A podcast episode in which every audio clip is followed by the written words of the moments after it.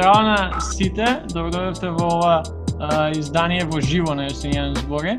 А, не сме сите заедно, ама затоа идеме а, лайв стрим на YouTube со нас денеска и причината зошто уствари идеме уживо бидејќи ја имаме а, со нас а, Ева Цветковска, која што неодавно беше избрана за нова председателка на Универзитетското собрание на а, Универзитетот Свети Кирил и Методи во Скопје.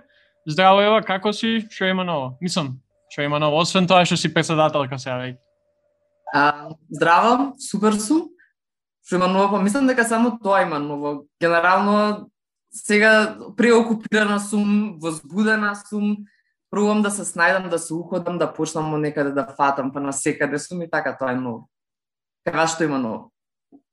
Добре, полициски. Таман, како, како погодивме кога се договаравме за, за Да, времето на у, точно у 8 за полициски.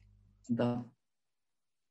Да, инаку за оние што сега не слушаат, со, со мене а, се Димитар, Зорана и Катерина. А, не знам кој како ќе ги гледате на, на лайв стримот, ама тука сме а, и наизменично ќе се уклучуваме во разговорот.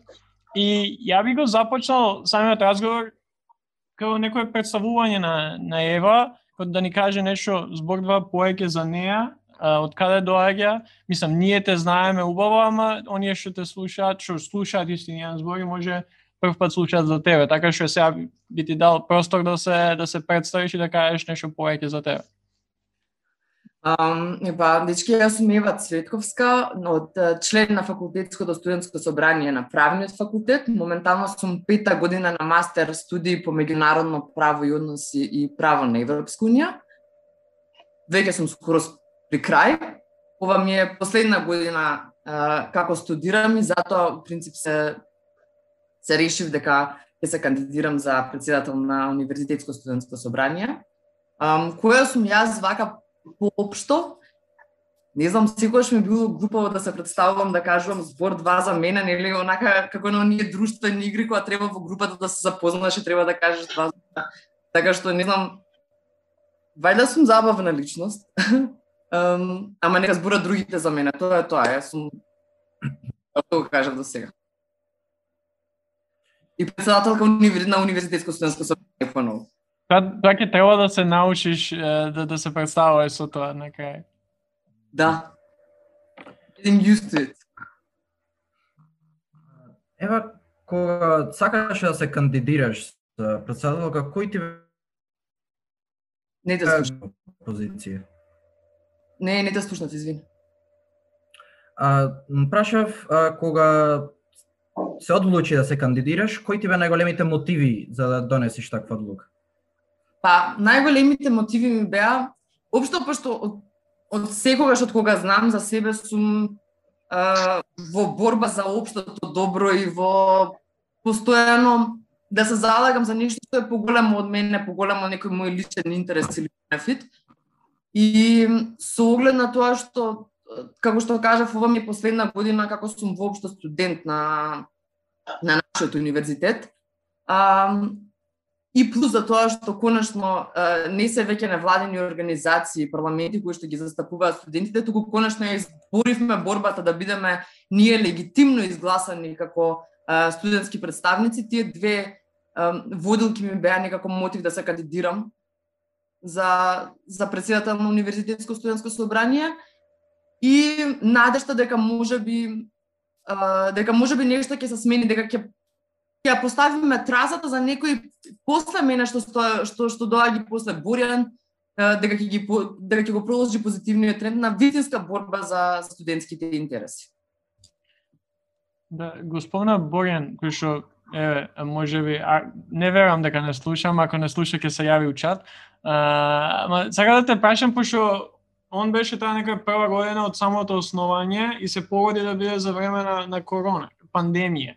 А, дали мислиш дека тоа се уште ќе представува а, еден, една пречка кон остварување на, на одредени планови и програми кои што ти и тимот позади тебе и сите делегати и членови на на УСС и на на факултетските студентски собранија, дали мислиш дека се уште короната и целата оваа ситуација а, која што а, не зафати, ќе ќе биде пречка поеќе за остварување на целите?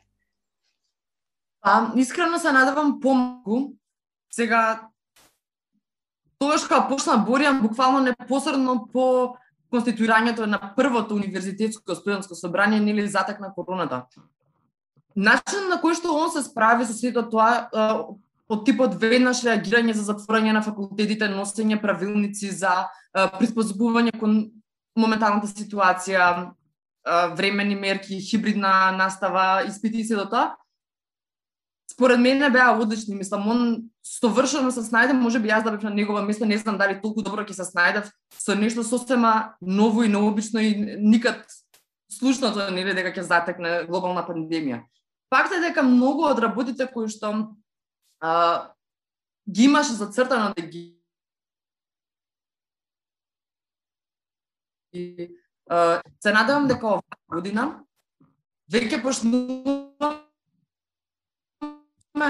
да придвижува, ми пишува дека ми е Да, последно ова што кажа не те слушам. слушате сега? Сега да, последното да. не, не, не те слушам. А, кажав дека се надам дека почнуваме да придвижуваме кон крајот на пандемијата и ам, дека веќе не можеме да ја искористиме како изговор за некои работи, затоа што веќе знаеме што, како и до каде можеме. И затоа се надевам дека оваа година нема да представува пречка затоа што нели веќе почнавме и состаноци во живо да имаме колку толку можеме и онлайн состаноци да одржуваме знаеме до кај ни се границите до каде можеме до каде не можеме да одиме така што се надевам дека оваа година повеќето од а, проектите ќе се изреализираат без оглед на тоа што сме во актуелна глобална пандемија. Uh, бидејќи, еве не знам за сите што не слушаат сега, меѓутоа и за оние кои што ќе не слушаат подосна, а, би сакала да те прашам нешто што веројатно сите најмногу ќе ќе ги интересира, тоа е а, според тебе кои се неколку поважни проекти кои што си ги имаш а, како да кажам зацртано да ги оствариш овој мандат? Um, епа, почнувајќи еве кога веќе почнавме со короната, која што ни наметна конечно дигитализација, процесот на дигитализирање беше многу долго нели изборувано долго влекуван, па зборавме како секаде ни светот се е дигитализирано само кај нас не.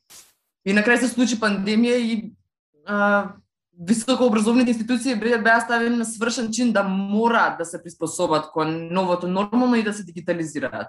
Е сега моменталниот систем а, кој што на дигитализација на наставниот процес не е совршен нормално, Ама сметам дека тоа е еден од приоритетите на, на работење на УСС оваа година, е да се усовршува а, дигитализацијата на целиот процес на студирање.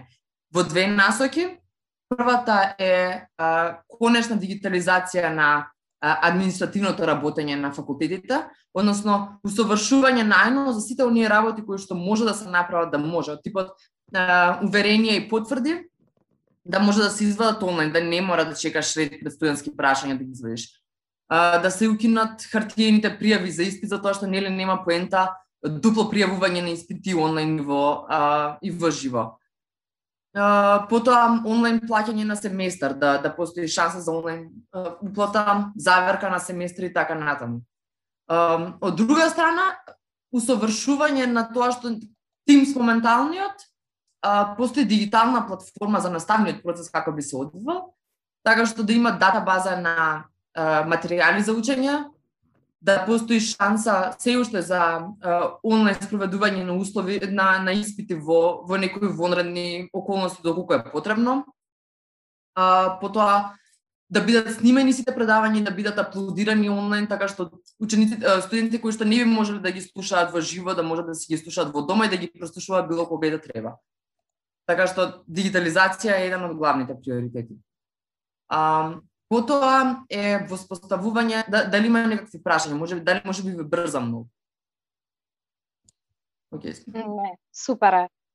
А, потоа е воспоставување на бесплатни психолошки служби за секој студент.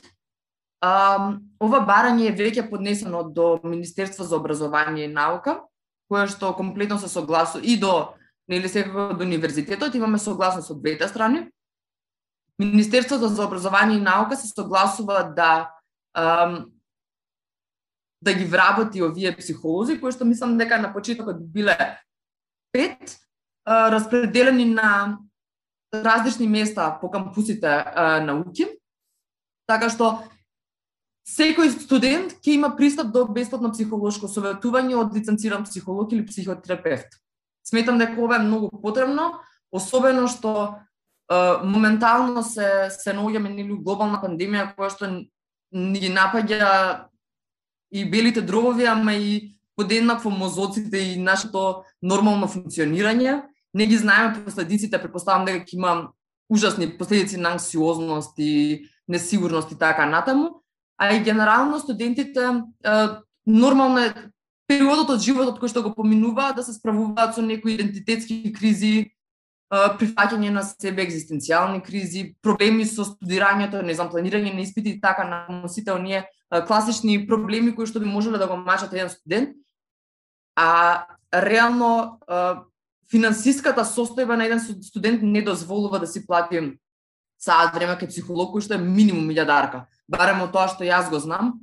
А веќе нема ни од илјадарка, мислам дека се што имам слушнато во последно време од 1500 па нагоре за еден саат. Што нели немаме време да се вработиме, немаме време за се и е, затоа тоа е еден од главните приоритети. Потоа е ревизија на целиот систем на стипендии. А, моменталниот систем е само еден голем е, лавиринт од бирократска процедура за доцнати исплаќања и така натаму. На вчера бев баш на состанок со со МОН за ова и веќе е почна да да се изработува костурот на законот за младински стандард во кој што ќе бидат вметнати овие стипендии. Ние поднесовме барање за оформување на работно тело од дворешни експерти кои што точно се разбираат во областа на стипендиите за да изработат комплетно нова стратегија на стипендирање, која што би вклучувала и нови стипендии. Например, стипендии за втори, трет циклус студии, стипендии за дефицитарните области, од пример македонска литература и книжевност, земјоделство, ветерина и така натаму, сите кои што се дефицитарни. Така што тоа е третиот приоритет. Понатаму, воспоставување на студентски сервиси, сите оние кои што се членови на факултетски студентски собрани или било како нели поврзани, знаат дека инбоксот на Facebook и на Instagram е фул со прашања од студенти за како да се запише семестар, за uh, колку кредити, не знам, свашта, секакви прашања во однос на студентскиот процес. И ако кога реално а, работата на, на представниците во факултетските студентски собранија не е само нонстоп да да бидат во служба на студентите и да ги одговараат овие прашања да изиграваат зори и зоки како студентски прашања.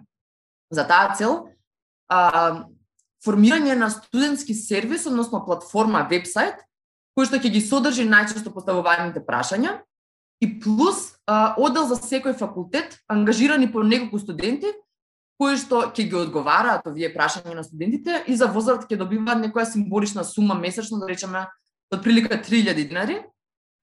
А, и плюс уште неколку студенти ангажирани за општи прашања од типот студентски домови, стипендии и така натаму, кои што се генерални не, не зависат од даден факултет. Тоа е а, една од, од, од листата на приоритети. Потоа Да, ај, ај ја ќе те прашам, мислам, после може да се надврзаме на повеќе планови, бидејќи го спомнам, он мене ме интересира дека една од една од работите кои што еве некој као студентски лидер, што си ти у моментов, може да дое као пречка е само самата соработка со институциите, самата соработка со УКИМ. Како според еве, според тебе досега би го оценила односот на, на институциите во изминатата година и што планираш ти да направиш за да се подобри тој однос за овие работи што ги кажуваш и уште многу други кои што се на агендата и се као план и, и сакаме да, да, да успеат да се реализираат. Каков е твој некој план и, и програма тоа да го направиш а, во соработка со нив? Uh, Па вака сега, не, не би сакала да генерализирам за сите институции, мислам дека по посоодветно да го одговори ова прашање би бил Борјан, затоа што сепак он беше тој што а, комуницираше со институциите предходната изминатата година.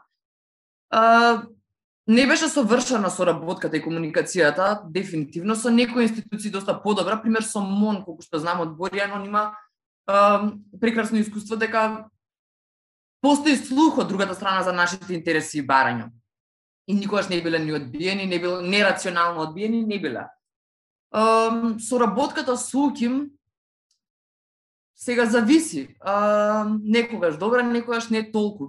М, сметам дека добро да некаде имаше и а, влијание, може би личниот однос на а, Боријан со дадени актери од од универзитетот, па може би затоа некои работи на, на, на УСС беа закочени. Се надевам дека јас оваа година ќе успеам да ја смирам топката некако и под дипломатски да настапам кон нив. Како на крајот на денот мислам да се да се откажи работата на УСС за се да биде да, да функционира како што треба. Тоа би мала да кажам, не можам да генерализирам, треба конкретно институција по институција. Сега за сега ова денеска има втор состанок затоа што ми е втор ден вака официјално на работа. Вчера имав состанок со МОН, денеска имав со град Скопје. И начално е одлично, мислам, вака кога ме гледаат, ме гледаат во очи, се на, ме слушаат што зборувам, е, има ентузијазам и волја за реализирање на некој за соработка на, на, со, на проекти и така натаму, така што ќе видиме како ќе биде понатака. Да. Ева, го спомна град Скопје, една од надлежностите на град Скопје е јавниот сообраќај во Скопје. Многу студенти го користат јавниот сообраќај. Ме интересира, има некој, се имаше некои проекти за без пари студентите да користат услугите на јавниот сообраќај во Скопје. Дали имаш некаков план во врска со јавниот сообраќај и користењето на студентите од финансиски аспект? А, па вака сега ЈРСАП Предходната година, колку што знам, почна да изработува дигитална платформа за продолжување на скопските картички. Ако збориме за студентите кои што се од прв цикл студии, они има нели право да се извадат слободна а, карта. А, така што из, веќе е започнат процесот да биде тоа да не треба со физичко присуство да биде потреба потврда за редовен студент така натаму, него да иде дигитално преку апликација. А, денеска баш а, првото нешто кое што го спомнавме беше а, дали постои шанса некако да се а, да, да имаат право и студенти од втори, трет цикл студии на а, бесплатно возење со ЈСП.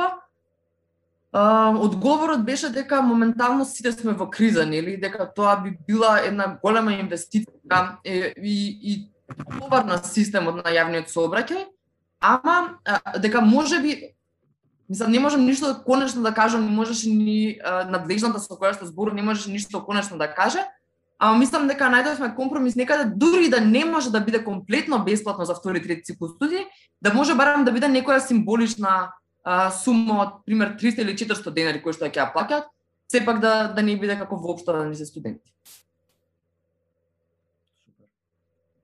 Бидејќи цело време зборуваме на пример за промени кои што еве би ги направила а, како председател, дали може би би направила некаква промена во начинот на работата на самото собрание? Па, начинот на работата на самото собрание. Сметам дека собранието сега за сега окей, за начинот на кој што функционира собранието е окей, се надевам дека само студентите ќе бидат поактивни. А, универзитетското студентско собрание е колективно тело. Мислам дека не треба да се поистоветува со Да, со председател тоа баш сакав да го да го спомнам тоа не знам а, постои како не сега ти си председателка на УСС и ти си главната не не а, инокосно тело туку е колективно тело кое што а, заеднички одлучува на седници така што сметам дека тоа сосема окей за тоа што нели одлугите на УСС треба да се носат со мнозинство јас сум само тука да ги застапувам и да ги подпишувам, а јас не сум лицето на УСС, туку сите ние 40-20 сме лицето на УСС. А, се надевам оваа година дека ќе бидат поактивни студентите и повеќе ќе присуствуваат на седници, затоа што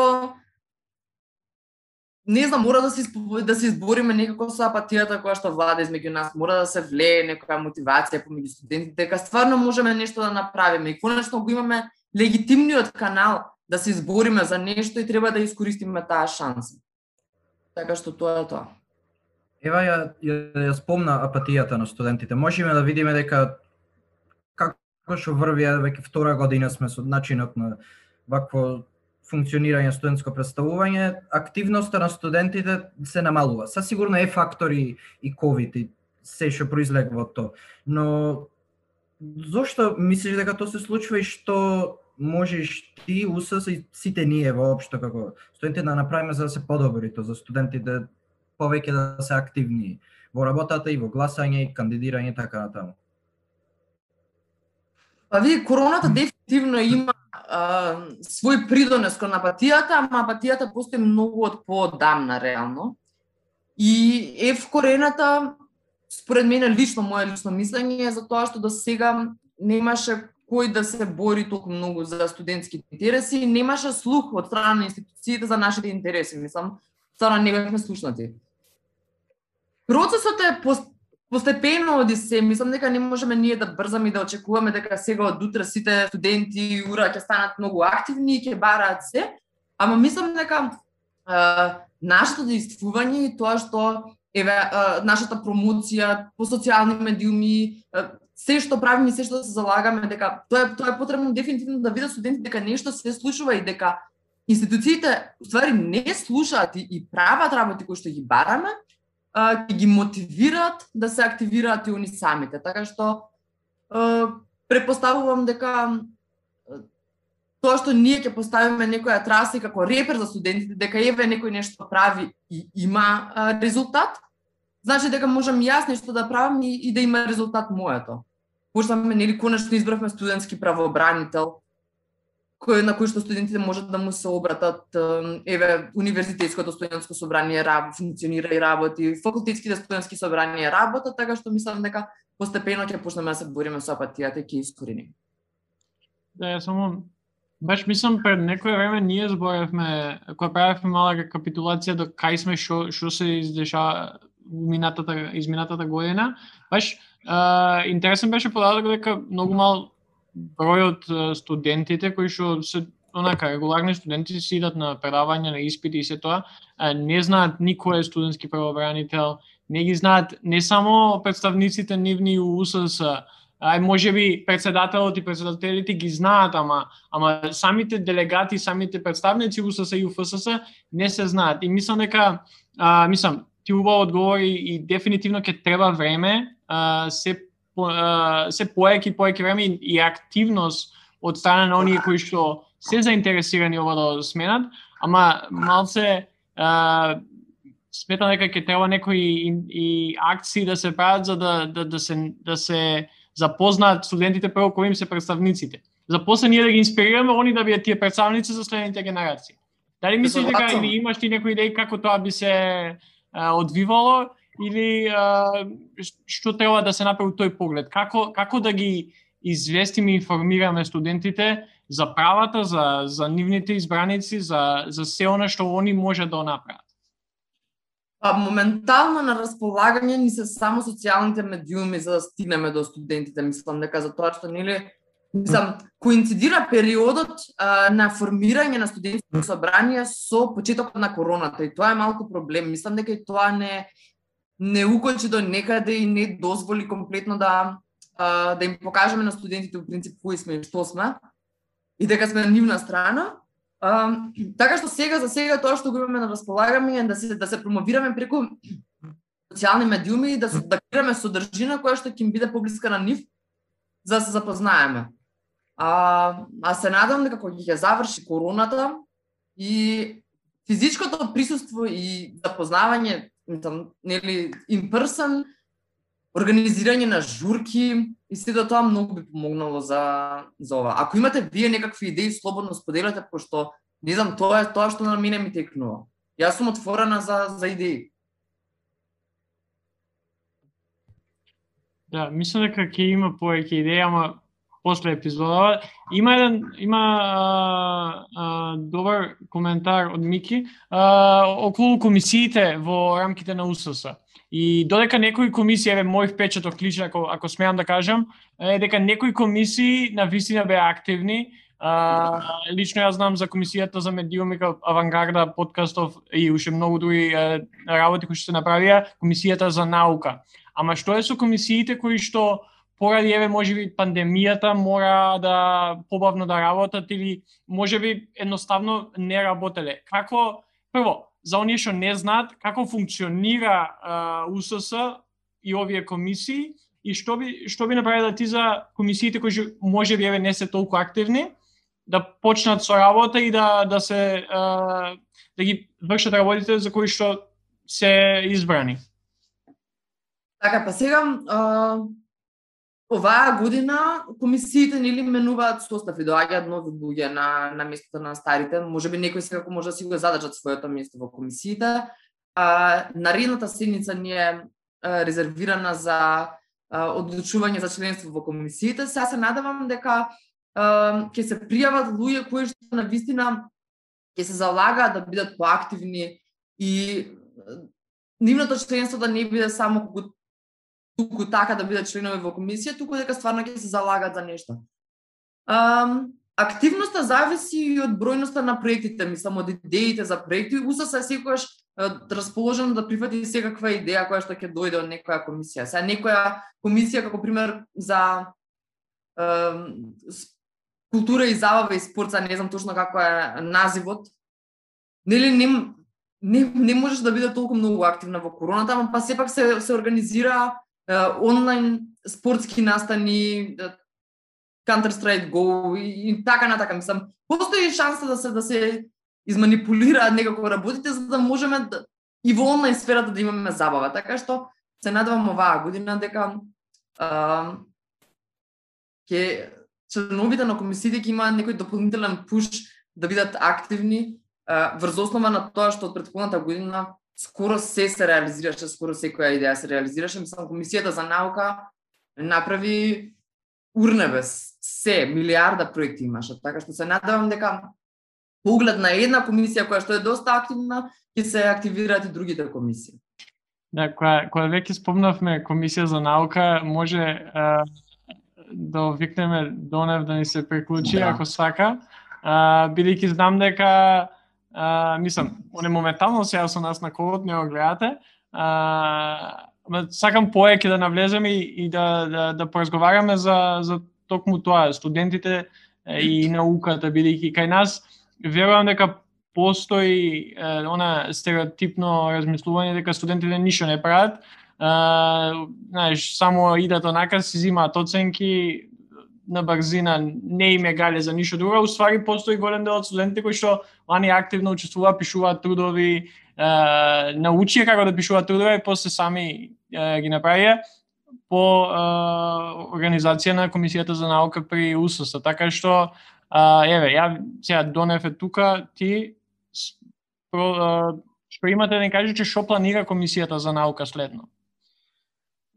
Искрено, а, мислам, секој би почекал да видиме да го видиме составот на комисијата веќе од следната седница на УСС, но тоа што го имаше ева во програмата во кој што во кој што учествува во создавањето е е слушно дека комисијата дефинитивно треба да продолжи со со полна пара затоа што затоа што сепак факултетот треба да биде на место каде што се развива таа критичка мисла и сите тие а, капацитети и способности, особено во во поглед во поглед на на научното искажување на студентите.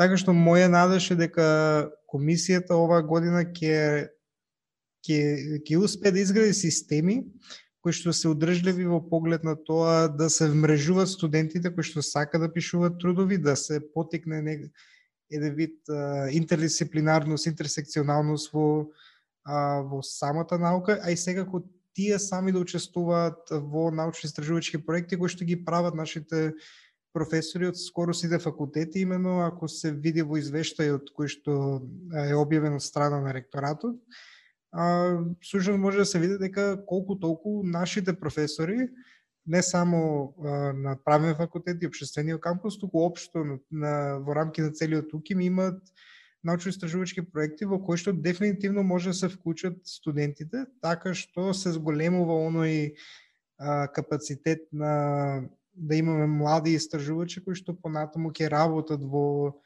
а, во академијата, особено во некои а, нели сфери во кои што традиционално не се сметат за во наводници наука, иако се правни студии, книжевност, генерално обществените науки кои што се по-филозофски настроени, но и таму дефинитивно има начин за, за научно-истражувачка работа. Конференциите продолжуваат. А, мислам дека одлични координатори имаат преходната година и оваа година, така што верувам дека конференции одлично ќе поминат. И нешто што ми е драго на мене лично е а, заедно со факултетското студентско собрание на филолошкиот факултет Блаже Коневски ќе одбележиме 2021 првата како 100 година Раги на Блаже Коневски, така што би порачал на студентите да да следат што ќе се случи таму затоа што на вистина има ќе биде доста голем настан, да се надевам.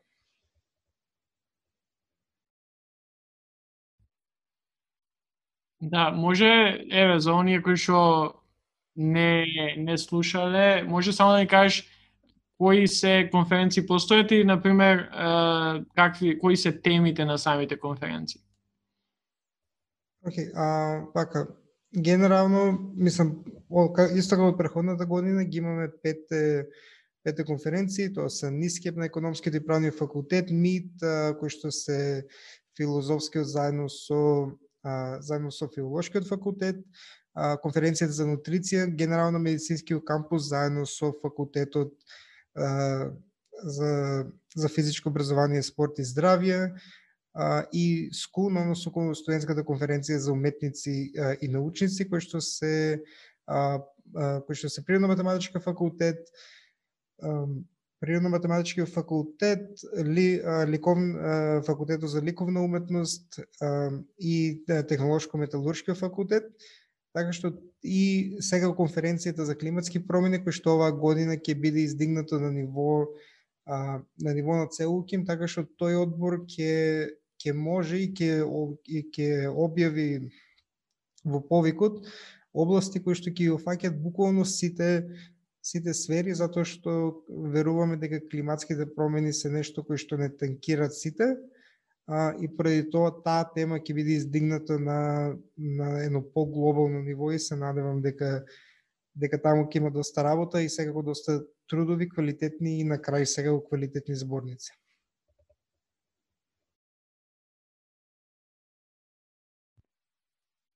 Да, мислам, убаво е, ја како, мислам, се знаеме, никога не сум по, по научни трудови, по, по наука и се додама, на вистина е убаво да да има една таква опција да еден студент баш тоа што го зборевме како не верувам дека сите знаат дека имаат можност тоа да го прават, поготоа кога станува збор за научни трудови, поготоа станува збор за за нешто поеќе надвор од она а, што што е учебниците, надвор од она што е за на испит и, и стварно е супер да се види дека постојат студенти кои што сакаат нешто да променат и тој у тој дел, бидејќи јас лично сметам дека тоа е некој пат до, до промени, оние суштински промени, која станува збор на како на факултетите, како на универзитетите, ама и на, на самото, на самиот начин на живот, бидејќи промените доаѓаат од нас на крајот на денот. Ние сме тие кои што еден ден, можеби не ние лично, ама нашата генерација ќе дое време да ја води државата и ако имаме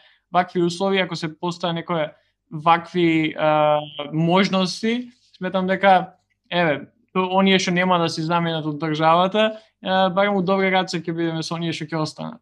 Тоа што тоа што дефинитивно може да се пофали комисијата за наука, особено преходниот состав е е како за прва година има доста квалитетни трудови и квалитетни зборници кои што се а, кои што се објавија, така што дефинитивно би би, ги охрабрил студенти да, да видат какви трудови се пишувани, а и секако да бидат а, да следат да, да ги следат да ја следат работата на УСС и на нивните а, факултетски студентски собрани затоа што секако ќе ќе бидат објавувани повиците ова година дефинитивно мислам дека во тој поглед треба да бидеме подобри и мислам дека и Ева би се согласил. Јас имам само да додадам дека ние сме еднакви членови на академската заедница и ние сме млади академици. Мислам дека инвестиција во наука и компаративно гледано сите држави, дека секоја држава која што инвестира во наука е инвестира во економската своја независност и генерално општа независност, така што науката мора да се развива да и да се инвестира во студентите колку што повеќе да се да може да се да напредуваат на научното поле и критички да размислуваат општо генерално и тоа е тоа.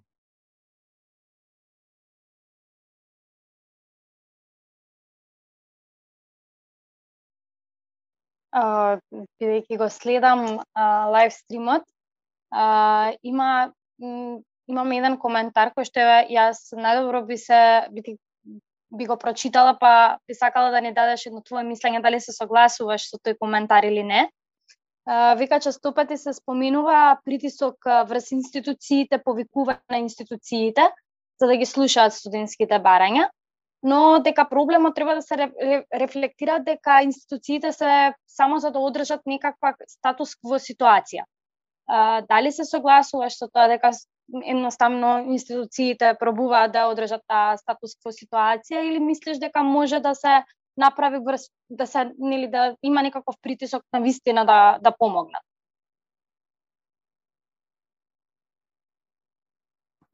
Па сега институциите може би сакаат да одржат статус кво, реално, ама а, затоа сме ние тука да продолжиме да притискаме, мислам, со медиумска покриеност, со сите инструменти кои што ние ги имаме во наша моќ да испитискаме, да да најдеме начин да не биде задржан тој статус кво, инаку секако дека сакаат, сакаат.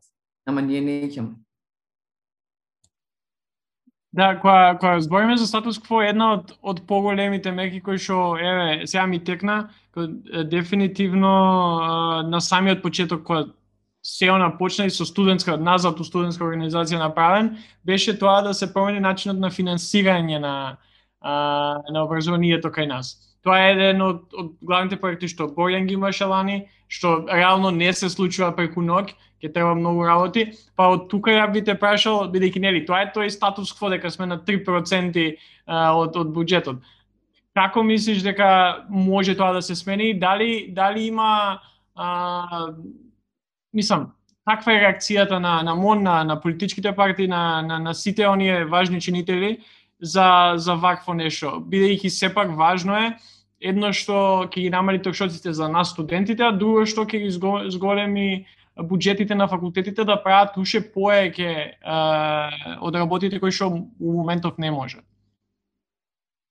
А, па во однос на ова конкретно сега Да, треба постепено да оди. Првата фаза на ова е прво да се донесе унифициран трошковник. Сега не знам, тоа е едно од заборавив да го споменам во приоритетните барања, мислам приоритетните проекти кои што ги планираме идеи. А, во правилникот за студирање на за први на втор циклус студии а, пишува дека треба да биде донесен анекс кој што ги содржи сите трошоци кои што студентите дополнителни трошоци освен школарината кои што студентите ги плаќаат на факултетите. Иако е донесен 2019 година, сега сме 2021, законскиот рок е 6 месеци, не е испочитуван и овој анекс се уште не е донесен. Така што во првата фаза од овој од оваа идеја е да се донесе воопшто тој а, трошковник кој што ќе биде со намалени реални цени на чинење, да речеме, ако едно уверение не може да кошта 500 денари на еден факултет, 700 на друго или 300 на трет, него да биде вистински колку а, чини тој лист хартија, И откако ќе се донесе тој трошковник, да се премине кон тоа, а, државата да ги превземе, на пример, факултетите да, да носат а, трошкови по, по глава на студент, пример да речеме од прилика дека еден студент кошта а, не знам, 1000 денари. Естимейтед колку би требало за сите потврди, уверени и се што би, би, би му било потребно во една студиска година. А, да ги достава до, да ги достави до државата и државата на сек, на почетокот на секоја година да ги покрива вие трошоци. На тој начин а, факултетите веќе не треба да се влечат на грбот на студентите и да профитираат од нас, односно да чекаат ние да идеме да извадиме некој уверение за да земат пари, а така што нема да се случи таа финансиска дупка, од друга страна нели државата треба да ги финансира бидејќи сепак а, факултетот е државен, универзитетот е државен реакцијата на на државните институции во однос на ова прашање искрено не ја знам затоа што не знам Борјан колку го има искомуницирано ова со со некоја државна институција. Го немам ни јас, не можам да антиципирам ништо, така што кога ќе кога ќе го пуштиме, ќе бидете благовремено известени сите. Се надевам дека дека ќе помине. Ама не знам, моментално државата издвојува 3,5% од скупното БДП за образование, општиот стандард, еве барем во Европа е 5%, така што се надеваме дека ќе стигнеме ние таму. Да, ја, ја и би се согласил со коментарот од Мики пак у, у чат дека а, фактот дека студентите ова ова сега ние што го збориме не го знаате на вистина поразително и, и една од причините зашто можеби не се случува многу на тоа бидејќи ако студентите сами ние се се кренат се кренеме како а, едно унифицирано тело а, не ти како председателка или Боријан порано или следниот кој што што ќе дојде, мислам дека многу поеќе имаме шанса да се направи нешто така што кога станува збор за информирање, ова е исто една од работите кои што треба да им се вреже у главите на, на студентите, за да знаеме што да бараме кога ќе дое време да некој да не праша што сакаме. А, така што, на вистина, една од главните работи кои што еве ја би ги заклучил дека смета да треба да се направат е информирањето. Ама добро. А, не знам, ја веќе неам некое прашање кое што ми текнува, ако другите имаат слободно, ева ако имаш нешто што сме заборавиле, Да, јас заборавив нешто да спомнам што е прилично големо, односно две големи работи планираме во однос на инфраструктура. А прво е студентски културен центар. Оваа идеја требаше од многу од од многу многу одамна, значи не знам кога бевме студентска организација на правен факултет, имавме идеја за студентски културен центар требаше предходната година нели да се изреализира па фати короната и сега оваа година планираме да се залагаме за две варијанти на студентскиот културен центар. Едната е мобилна, да набавиме опрема која што е потребна за секаков тип на културен настан, но типот на ем, бина и микрофони, појачала, звучници се за за концерти, за свирки, сталаци, а, се што е потребно, не знам, за представи, за изложби, за така натаму и студентите да можат да ги искористат нив да ги шетат во било кој град од Македонија или надвор од државата. И од друга страна да се земе простор кој што е веќе во собственост на универзитетот и да се пренамени во студентски културен центар. Веќе имаме некои конкретни идеи, сега не сакам јас да избрзувам да кажувам, а, затоа што не е ли потребни ни се согласности секако од секаде, ама имаме конкретни идеи за пренамена на еден многу добар простор во студентски културен центар кој што ќе може да служи за студентите не само за културен настан, него општо да се собираме таму, да пиеме кафе, да се дружиме, да отвориме било што. Понатаму се реновирање на читалните, дворовите на на кампусите на на дадени на, на, на определени кампуси на факултетите, други места за дружба реновирање и притискање тоа вчера го зборав со Министерство за образование и наука дека веќе е а, се почнати а, проектите из, из, подготовка на проекти за реновирање на студентските домови, така што конечно и тоа ќе се случи, затоа што знаеме дека домовите се во ужасна состојба. А, ама има позитивна реакција и веќе е започната подготовка. Така што и инфраструктурата се надам дека оваа година ќе се подобри на многу полиња. Да. А, Зорана, Димитар, имате некој прашање? Или? Не, јас немам. Да, мислам дека може овде да привршуваме. Таман, 47 минути, ако некој го преслуша овие устедни денови, мислам дека а, добро. Ај на крај да завршиме како што секојаш завршуваме. Мислам, ева ти не си прв пат гостен, ни беше пред две епизоди кога зборевме за правни. Да, да, да. Онака се офрлуваше додека да. знаеш, беше слободна, ама на крај ние ги прашуваме гостите да да препорачаат нешто сега со полициски час и со немање толку работи што да правиш надвор. А, што би ни препорачал, еве и Зорана и Димитар, вие може да се вклучите а, да кажете некоја книга, му, а, ќе кажев муви, а, филм, музика, било што, слободно сега е времето. Јас?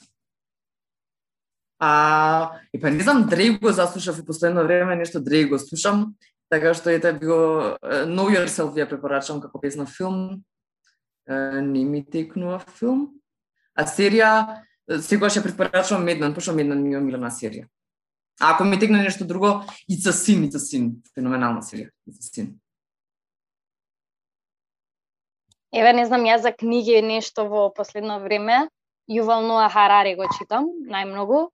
А, сите не, три негови книги, така да не знам колку би, би се допаднале на сите кои што сме тука, бидејќи знам дека за книги имаме доста спротивставени мислења. А, меѓутоа... Не читаме книги на подкастот. Меѓутоа мислам дека а, некој што не слуша можеби ќе ќе се заинтересира да ги да ги прочита. Јас не, не знам дали го имам препорачено овој филм, ама ајде, ќе препорачам уште еднаш ако веќе го имам. Шиндлерс лист е интересен филм, вистинска приказна и го препорачувам секој да го види. Да, ја би го препорачал, со Балево имавме предавање ние со професорот Александар Спасеновски и он ни препорача филм кој што ја го имам гледано на десетина пати, Dead Poet Society, со Робин Вилиамс стварно како нема промашување, со него ако го немате гледано не само тој туку и Good Will Hunting, два од, од најдобрите пет филмови некојаш направени. Uh, fun fact, Донев uh, го молев три месеци да го гледа Good Will Hunting, мислам дека конечно го изгледа, така што Да, uh, ја мислам дека ти се пријави околу тоа, да. Да, да, да, не. Изгледана, ама после едно два месеци молење, дефинитивно овие два филма гледајте ги. И сега, Дени, у коментар, uh, The Lives of Others, уште еден предобар филм, не е амерички, мислам дека е германски, го имам гледано пред некоја година, стварно е предобар филм uh, да го гледате. И така, ја тука ви ја завршил епизодата, освен ако Никола нема нешто да ни предложи. Да, јас имам еден предлог а, на книга, мислам дека може да се најде онлайн. А, ние наспроти другите а, од група на автори за символички подови во Северна Македонија на вистина интересно на вистина интересно издание и топла препорака за тие кои што кои што сакат да разберат оние малце по сим, анализа на символички подоби и каде ние всушност се секаде се се делиме во општеството. Е, пратим ја. Да, праќај линкови, бидејќи на ние сме подкаст кој што нема проблем пиратски да да конзумира производи. Ама, добро. Фала ти, Ева, за гостувањето. Се надевам дека не бевме премногу досадни. Се надевам дека тие што не слуша уживаат, тие што ќе не слушаат исто така ќе дознаат нешто поеќе за она што зборевме и ќе еве, ќе се приклучат работите на на факултетските студентски собрања, на универзитетското, па и на комисиите кои што допрва треба да се формираат. ја тука би одиграл епизодата и се слушаме пак у следна се слушаме пак следната недела у следното издание на на Јустинијан збори. Појма немаме што ќе збориме, ама не се откажуваме. Ќе идеме со нешто интересно пак.